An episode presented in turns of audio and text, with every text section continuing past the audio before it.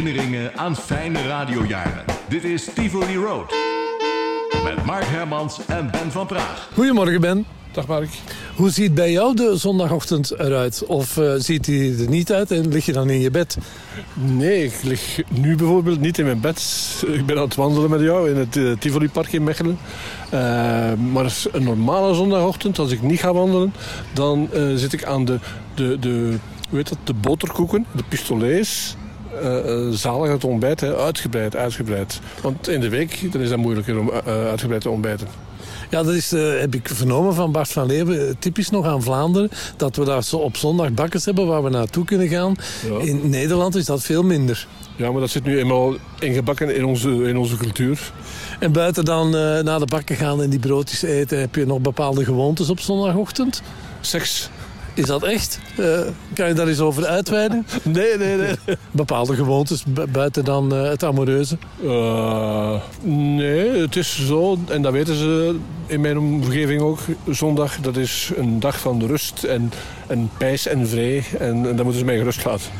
Dus een interview op zondag, dat is uitzonderlijk? Zeer uitzonderlijk. Je vertelde hoe bij jou thuis de radio was, bij je ouders. En ik ben daar ook eens mee te gaan op, op nadenken.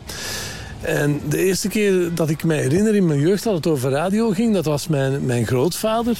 Ja. Die is geboren in 1906. Ja, mijn Voor, grootmoeder ook. Om even te situeren. Ja, ja. En die vertelde altijd over uh, een radio waar ze in Antwerpen naar luisterden. Radio Antwerpen, in de volksmond genaamd Radio Kerkske. Klopt, tenminste die naam zegt mij iets, ja, Radio Kerkske. En eigenlijk eh, wat mijn grootvader daar allemaal over vertelde... dat is hoe wij in onze jaren dan, de jaren 60, 70, 80, uh, radio zijn gaan beleven. Dat gebeurde toen al voor de Tweede Wereldoorlog. Uh, in uh, eh, 1926 kreeg die Radio Antwerpen, Radio Kerkske, een uitzendvergunning. En die zonden uit vanuit een uh, kerktoren. Vandaar de naam in de volksmond Kerkske.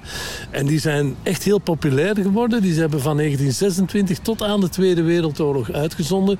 Die hadden een grote fanclub met, met leden. En die deden ook een allereerste sportuitzending. En die brachten dan een verslag van de Zesdaagse in het Antwerpse Sportpaleis. En om dat op antenne te kunnen brengen, hebben ze gewoon een kabel aangelegd van het Sportpaleis tot in die kerktoren waar hun eh, studio was. Om dan zo rechtstreeks verslag te brengen. En dat zijn dingen die ik altijd ben blijven aan terugdenken aan dat verhaal van mijn grootvader en die Radio Kerkske.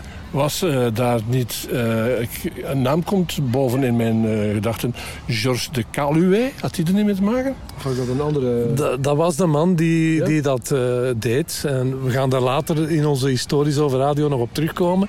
Want die heeft ook de eerste Vlaamse zeezender opgericht. Zoals je zegt, de, de Sylvain Tak van, van voor de Wereldoorlog. Inderdaad.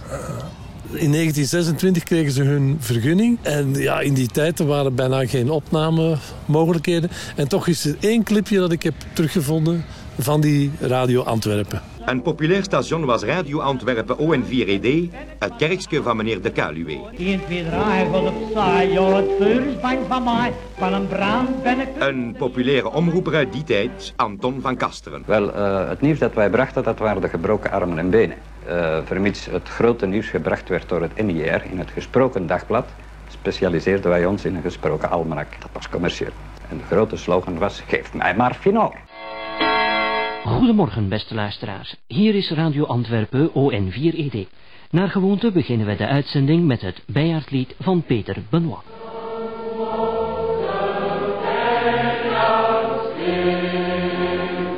Herinneringen aan fijne radiojaren. Dit is Tivoli Road met Mark Hermans en Ben van Praag.